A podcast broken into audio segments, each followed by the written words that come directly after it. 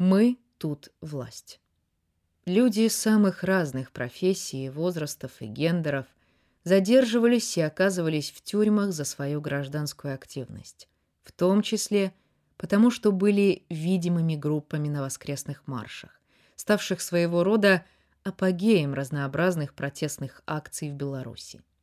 Первый марш 16 августа собрал в одном только Минске по разным подсчетам не менее 200 тысяч человек.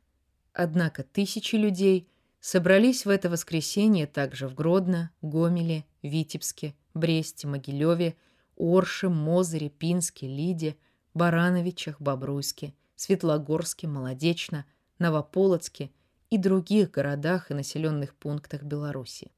Воскресные марши стали настоящей движущей силой протестов. Первые три недели после террора 9-11 августа режим избирательно реагировал как на воскресные марши, так и на другие протестные акции. В Беларуси царило коллективное воодушевление, смешанное с отчаянием и скорбью.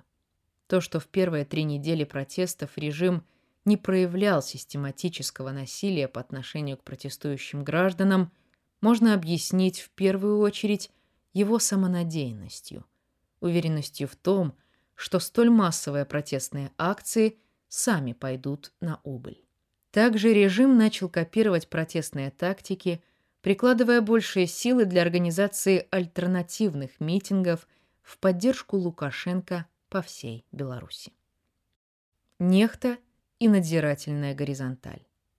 Важную роль в организации воскресных маршей играли телеграм-каналы, и в частности канал Нехта.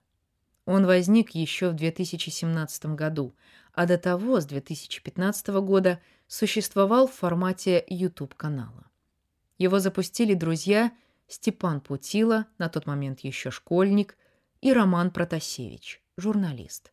Свою задачу они видели в том, чтобы говорить на языке своего, не интересующегося политикой поколения Next, но также давать голос разным людям. Кто-то, кто бы то ни было, нехта по-белорусски. В 2018 году Роман Протасевич и Степан Путила уехали из Беларуси в Польшу. После того, как против них попытались завести уголовное дело за оскорбление президента. Еще до революционных событий 2020 года телеграм-канал «Нехта» переживал несколько скачков роста аудитории. Например, в 2019 году его популярность выросла благодаря документальному фильму о Лукашенко, набравшему почти 3 миллиона просмотров.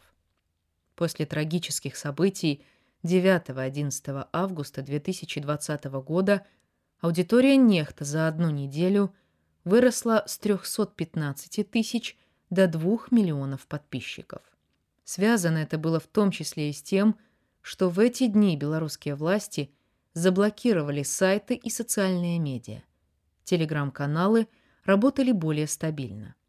И по рассказам Романа Протасевича, Нехта получал в эти дни информацию от тысяч, если не десятка тысяч белорусов.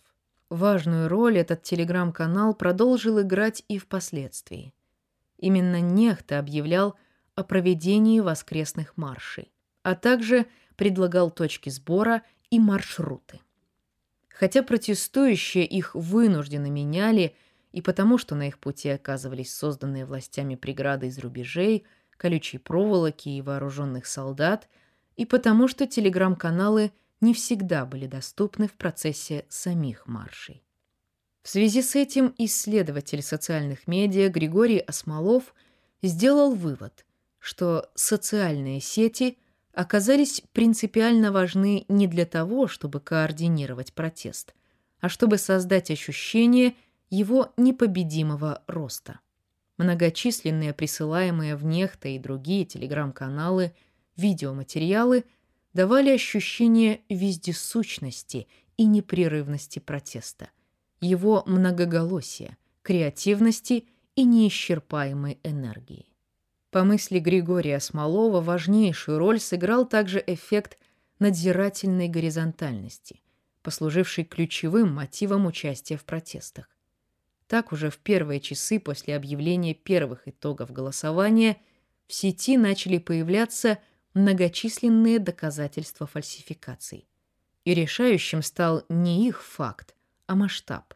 Затем, после 9 августа, интернет захлестнули свидетельства государственного насилия, развернутого против мирных граждан.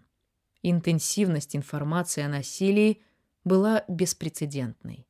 Социальные сети приносили все новое свидетельство жестокости буквально каждую минуту. Поступали они отовсюду.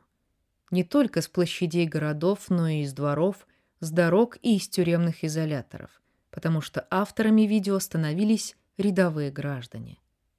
Этот эффект Григорий Осмолов и назвал надзирательной горизонталью или обратной стороной паноптикона, когда в среде, полной сенсоров, не только государство наблюдает за своими гражданами, но и граждане могут эффективно наблюдать за своим государством.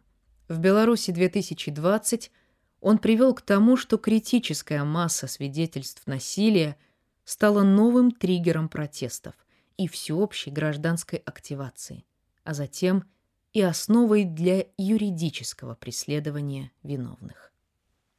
Граждане как спонтанные художницы и художники. Ощущение непобедимого роста и вездесущности протеста поддерживали и очень разнообразные лозунги и плакаты, превращавшие людей на маршах в художников или участников совместного креативного действия. Плакаты отражали реакцию на то, что происходило в будние дни.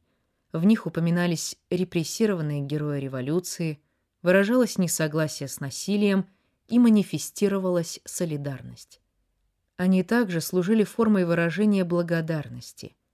Например, российскому блогеру и политику Максиму Кацу, который, начиная с 12 августа, регулярно комментировал на своем YouTube-канале белорусские протесты и убеждал зрителей в обреченности режима Лукашенко. За осень 2020 года эти ролики посмотрел 1 миллион уникальных пользователей из Беларуси. Символами третьего воскресного марша 30 августа, совпавшего с днем рождения Лукашенко, стали смерть на ходулях и с косой, гигантский таракан и танцы с гробом.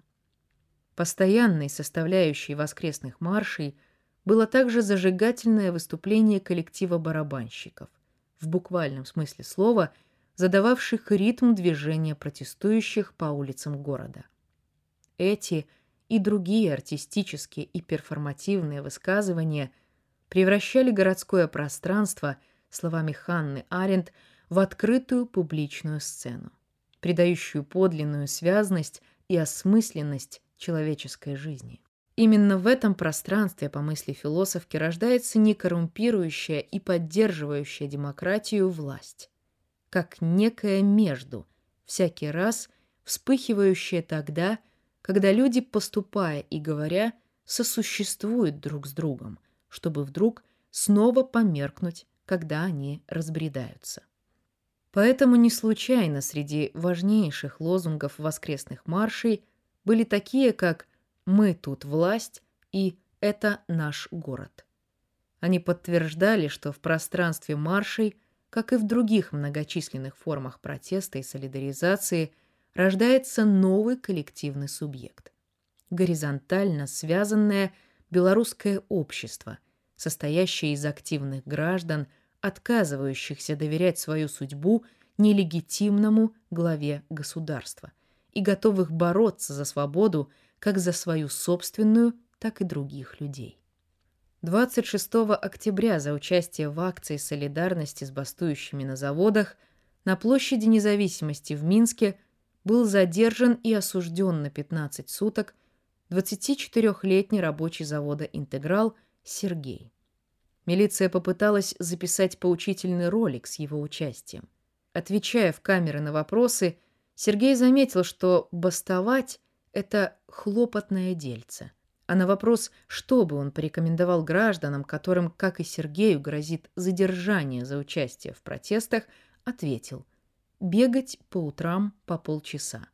Причем не так, трусцой, а серьезно, гонять во всю мощь. Хлопотное дельце и гонять во всю мощь стали новыми мемами и лозунгами мирных протестов. В иронической форме они фиксировали, насколько напряженно и небезопасно гражданское участие в Беларуси. Но несмотря на то, что оно требует огромных психических и физических сил, белорусы, тем не менее, не были готовы от него отказаться. Мы здесь власть! Мы здесь власть! направо назад на улицу Красная.